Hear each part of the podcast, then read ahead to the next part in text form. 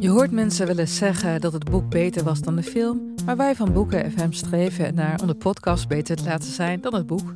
Wij lezen de klassiekers die je nog niet gelezen hebt. We lezen de boeken die je heel graag wil lezen, maar waar je eigenlijk voor schaamt om in het publiek mee gezien te worden.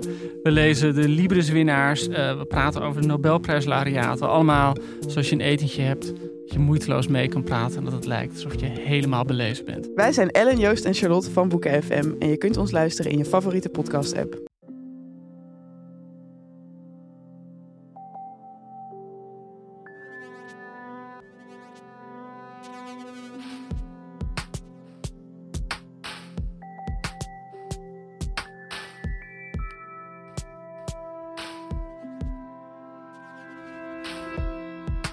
Hey, ik ben Pieter van Relaas. In Relaas hoor je waar gebeurde verhalen en die worden verteld door de mensen die ze zelf hebben meegemaakt. In deze aflevering krijg je opnieuw twee korte verhalen. Die hebben opgenomen tijdens onze verhalencarousels. Dat was jouw wekelijkse afspraak tijdens coronatijden op Zoom. En daar hebben we elkaar korte verhalen van vijf minuten verteld. Wat nu volgt zijn twee verhalen op wieltjes. We beginnen met Patrice. Zij had een vaste afspraak tijdens onze verhalencarousel. Um, elke week kwam ze een verhaal vertellen. We leerden zo over haar fratsen op de trein, haar problemen aan de bankautomaat, ook over een vreemde ontmoeting in de Nederlandse les. Maar in dit verhaal komt ze een stoot tegen op wieltjes.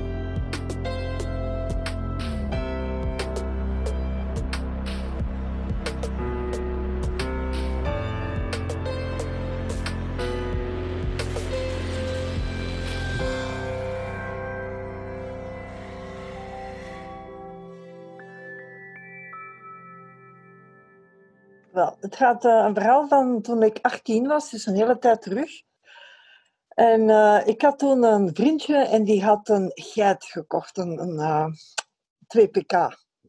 Voor mensen die dat woord geit niet verstaan.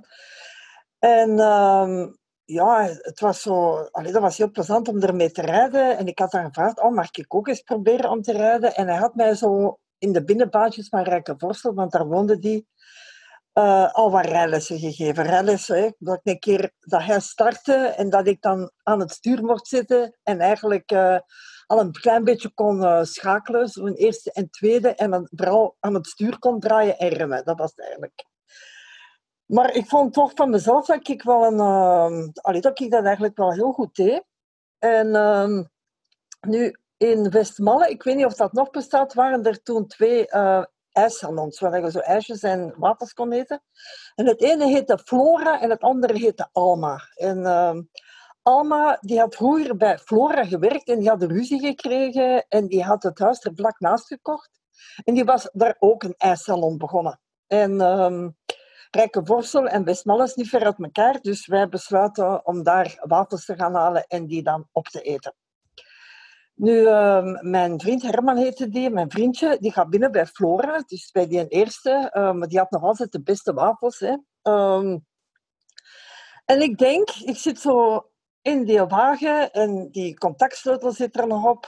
En dat duurt eigenlijk nog lang. Ik begin me zo'n beetje te vervelen. En ik denk, goh, ik ga Herman een keer laten zien hoe dat ik al kan rijden. Dus ik zet mij achter dat stuur.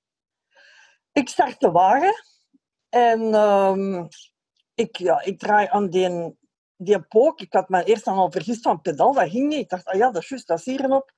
En ineens schiet dat ding in gang, maar dat rijdt niet, dat springt. Dus die, die 2 pk, die springt richting de etalage van Alma. En ik ga in vries, ik weet dus eigenlijk niet wat ik moet doen. En er was zo'n groot raam, maar er zitten mensen te eten. En die zien mij zo aankomen en die kijken nog eerst zo wat ongelooflijk van, er komt iets af. Maar ineens zien die mij zo altijd dichter en dichter bij dat raam komen. En uh, ja, die stonden op, die gingen allemaal van achter in die crèmerie zitten. Ja, ik in platte paniek. Um, ik, uh, ja, op dat moment, en patat die uh, etalage binnen. Dus dat glas langs alle kanten over die een 2 pk. Ehm, ja, dan was, stond hem wel stil natuurlijk. En uh, die mevrouw, die Alma, die er ruzie had gehad met Flora, die komt direct uh, aan. Dat was zo'n klein kloek madammeke. En uh, ja, juffrouwke, um, dan gaan we moeten... Waar zijn uw, uw ouders? het telefoonnummer van uw ouders gaan uw ouders verwittigen. We gaan dat zo regelen. Als uw ouders dat willen betalen, we gaan er niet moeilijk over doen. Um, maar alleen, heb jij uw rijbewijs al lang? Ik zeg, ja... Um, nee, ik heb het eigenlijk nog niet zo lang. Maar ik durf dat natuurlijk niet zeggen dat ik geen rijbewijs heb. En dan zei ze, is dat uw auto? En ik zeg, nee. Ja, en van wie is die dan wel? Ja, dat is van mijn vriend Herman. Ah ja, en waar is die? Ja, die is hier naast wafels gaan halen. Nu werd dat mensen ineens, ik weet niet kwaad. Ja, als dat zo zit, met zo'n dikke rode kop, dan gaan we de politie erbij halen. Dus uh, moest ik Herman gaan halen. Um, die was heel verwonderd dat hij mij er zag binnenkomen natuurlijk. Met mijn haar recht omhoog, het scheelde niet veel. Um, die zei, Herman, ik heb een klein ongelukje gehad. Ik ben hiernaast uh, tegen iets gereden. En hij zei, ja, tegen wat? En ik zei, ja, tegen de vitrine, tegen een paar tafels. Um, en dat was een hele kalme mens. En die zegt, ja, wacht, het is bijna aan ons. Ik ga die wafels eerst meepakken. Hè. En die pakt die wafels mee en die komt dan naar Alma. En uh, ja, daar was dus niks aan te doen. Ik moest uh, mijn ouders laten komen en uh, de politie kwam dan. En dat was dan ineens een heel groot verhaal. Ehm, wat mijn vader ook zei, maar ik zag ik dat vergoeden, maar er was niks meer aan te doen. Want eh, wij hadden wafels gaan bij Flora en van die dan nog bij ook. Um, dus er was niks meer aan te doen. En mijn vader, het enige wat hij zei dan, oké, als dat voor de rechtbank komt, dan betaal je alle kosten. En natuurlijk, ja, rijden zonder rijbewijs en in de vitrine rijden, allee, dat leek me nu niet al direct zoiets van de rechter gaat zeggen, ach, dat is niks. Hè? Um, zeker niet rijden zonder rijbewijs. Dus ik zag toch wel met een klein bang hartje um, naar die rechtszaak toe. En dat was zover. En dat was zo'n beetje voor de zomer. En mijn vader, en als dat duur is, heel de zomer werken. Hè. En je gaat, hè, je gaat al de kosten terugbetalen. Uh, ik betaal niks. Hè. Die raad dat ik nog willen betalen. Maar hè, um, nu dat voor de politie komt, die dingen, hè, dat gaat allemaal niet moeten doen. Ja, die was zo helemaal omgeslagen. En uh, dus wij, met, ik een heel klein hartje naar die rechter. En uh, die moest dat lukken. Die mensen is ook van Westmalle. En ik begin heel dat verhaal uit te leggen van Flora en Alma. En je begint zo, je kan ze een lach niet inhouden. Ik zie dat zo goed dat je, dat je zo van een dier zit, dan moet je, je zijn neus nog een keer zo. Um, en dan die twee ernaast, ja, die, die, die, alleen doordat een rechter dan zo zijn lach niet kon inhouden, ik zat er nog twee piepels naast, ik weet niet wat dat, waren. Um, beginnen die ook zo te lachen. En op de deur krijgen die alle drie een lachkramp. Die konden er niet meer uit geraken. De ene voor mijn verhaal en die andere twee omdat die ene lachte. En mijn vader die kijkt mij zo aan en die assist, je, gaat er nog goed vanaf komen, denk ik. En uh, inderdaad, hè, ik heb dus uh, eh, 100 frank voor... Uh, ik had eigenlijk twee uh, overtredingen, zware overtredingen gedaan. Rijden zonder hebben, heel zware overtreding. En dan niet kunnen stoppen voor alle hindernissen. Maar ja, als je niet kunt rijden, dan kun je meestal ook niet goed stoppen natuurlijk. En um, die rechter die heeft dan zo zijn uh, tranen, die heeft echt tranen gelachen. Hè. Die heeft zijn tranen dan een beetje afgedipt uit zijn ogen. En ik kreeg 100 frank uh, voorwaardelijk voor drie jaar of zo. Voor rijden zonder rijbewijs. En ik werd vrijgesproken om in allemaal binnen te rijden. Want eigenlijk zag ik hoe, vond dan dat wel een goeie. Want heel Bismarck kon allemaal niet uitstaan. En uh, eigenlijk vond hij dat wel een goeie dat ik er binnen gereden was. Dus voilà, dat was mijn verhaal. Dat was het relaas van Patrice. Ze heeft het verteld tijdens onze relaas verhalencarousel. Dat was online op Zoom in de coronatijd, net voor de zomer van 2020. De eerste golf, zo moeten we dat beginnen zeggen, veronderstel ik. Veel echte coronaverhalen hadden we niet tijdens die verhalencarousels. We wilden liever eventjes ontsnappen van uh, wat we toch allemaal vervelend vonden. Maar soms geeft corona natuurlijk ook inspiratie. Piet bijvoorbeeld, die heeft iets met wieltjes. In zijn vrije tijd sleutelt hij aan oldtimers. Ik weet dat, omdat hij hier twee straten van mij woont. Maar in coronatijd zocht hij het een stukje verder dan in zijn eigen tuin, waar hij aan de wieltjes sleurt normaal gezien. Um, maar zijn fascinatie voor wieltjes zocht hij dan een beetje verderop. Je zal het met mij eens zijn, het zijn bijzonder rare tijden waarin we zitten vandaag. Een tweetal maanden geleden zijn wij gevlucht. Wij zijn echt moeten vluchten. Wij zaten, zoals we gewoonlijk doen, een paar dagen aan zee, toen wij plots in het avondnieuws het onverwachte beeld zagen dat toeristen die een vakantie wensten door te brengen aan de kust, tegengehouden werden door de politie. Nu, wij zaten aan de kust. En met enige onrust hebben de volgende dag ons zaken ingepakt en zijn we netjes teruggekeerd naar het binnenland. Gelukkig hebben we een huis met een tuin en daar brengen we nu eigenlijk al de voorbije twee maanden in door. Een uh, huis waar nogal wat werk aan is, dus vervelen hebben we ons absoluut niet gedaan. Een tuin die er ongelooflijk netjes bij ligt en er is zelfs iets speciaals gebeurd in de 42 jaar dus dat we getrouwd zijn, hebben we nog nooit groenten gekweekt. Ook daar zijn we nu aan begonnen. Tenminste is Linda aan begonnen, want zelf ben ik helemaal geen bloemenkweker.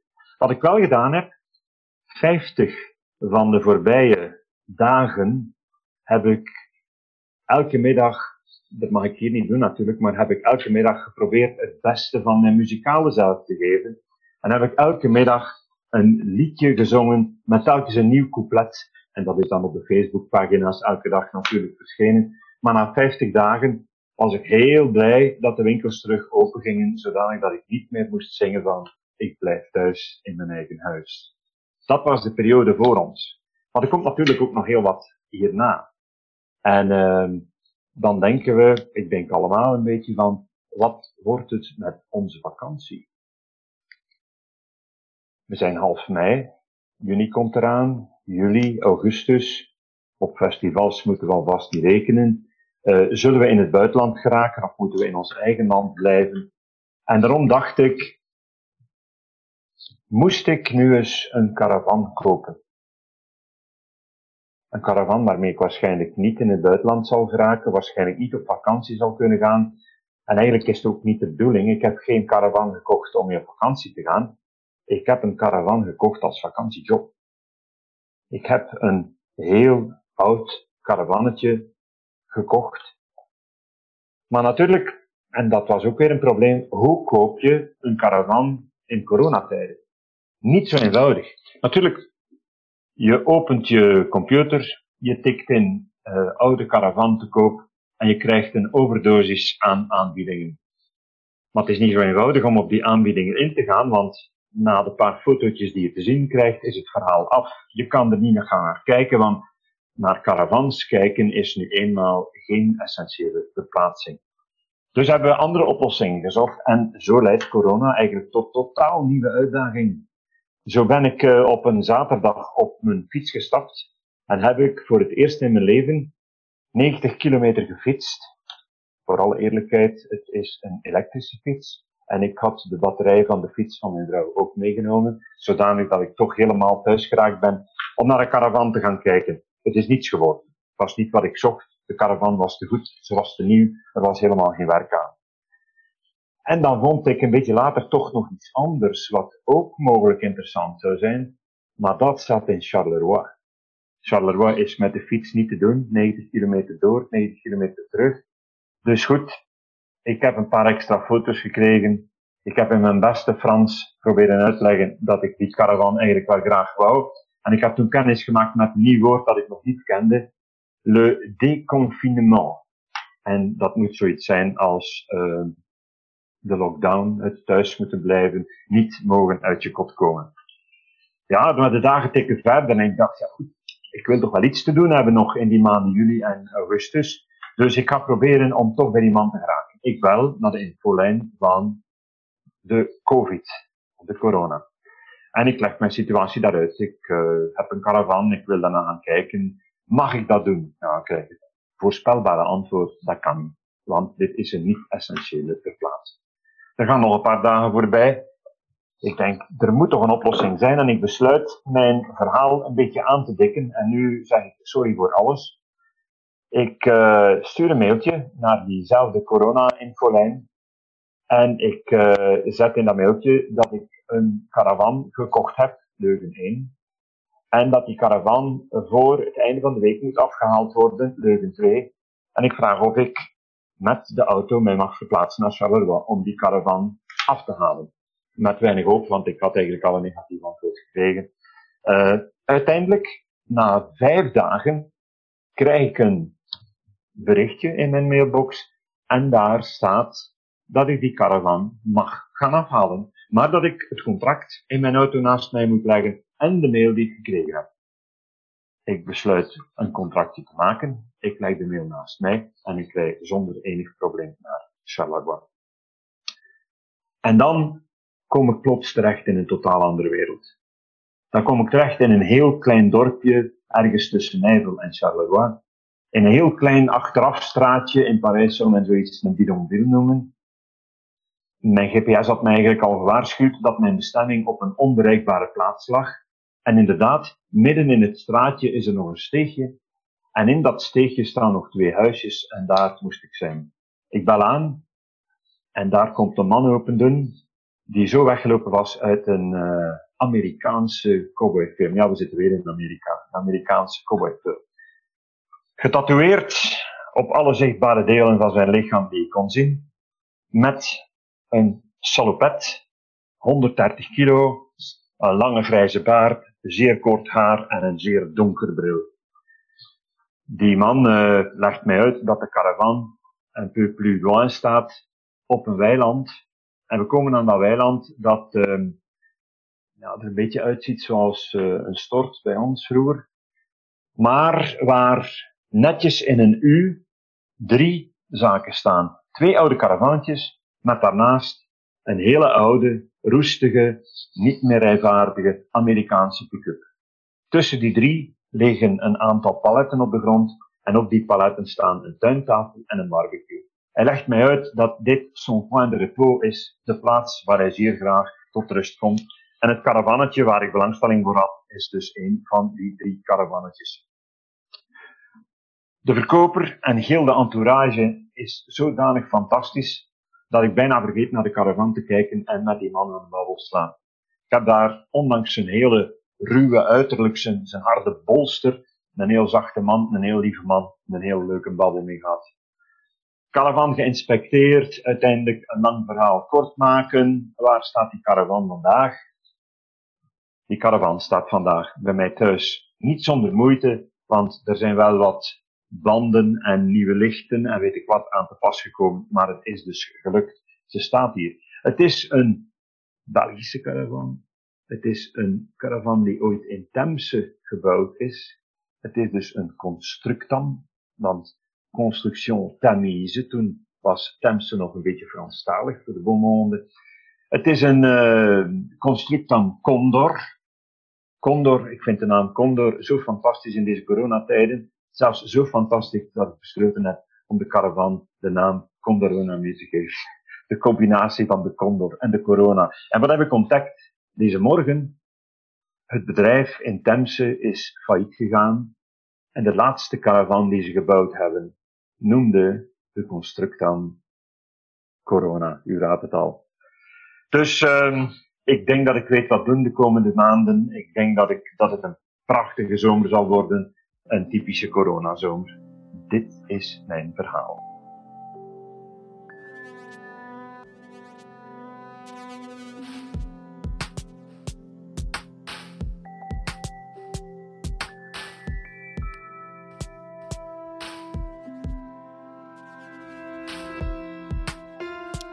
Dat was het relaas van Piet heeft het verteld tijdens onze Relaas Verhalencarousel online op Zoom. Het was in coronatijd, golf 1, ergens vlak voor de zomer van 2020. Uh, eh, Piet heeft wel meer leuke dingen gedaan tijdens corona. Als je zijn liedjes, want hij heeft elke dag gezongen, of zijn collectie oldtimers eens wilt bewonderen, dan moet je in Facebook maar eens de Gentse retrowielen opzoeken en dan uh, kom je daarop uit. Zo, deze aflevering is rond. Ik bedank nog eventjes de afdeling cultuur van de Vlaamse gemeenschap en die van de stad Gent, want zij geven ons subsidies. Um, ook de vrijwilligers van Relaas. Zij zorgen ervoor dat alles op wieltjes loopt. Hè? Heb je hem? Op wieltjes loopt. Hè? En ik wil ook jullie bedanken, onze luisteraars. Dankjewel. Mag ik jou vragen om deze aflevering, als je hem echt goed vond, door te sturen naar iemand die je kent en van wie dat je denkt, ah, die persoon kan ik daarmee een plezier doen met dit relaas. Dankjewel.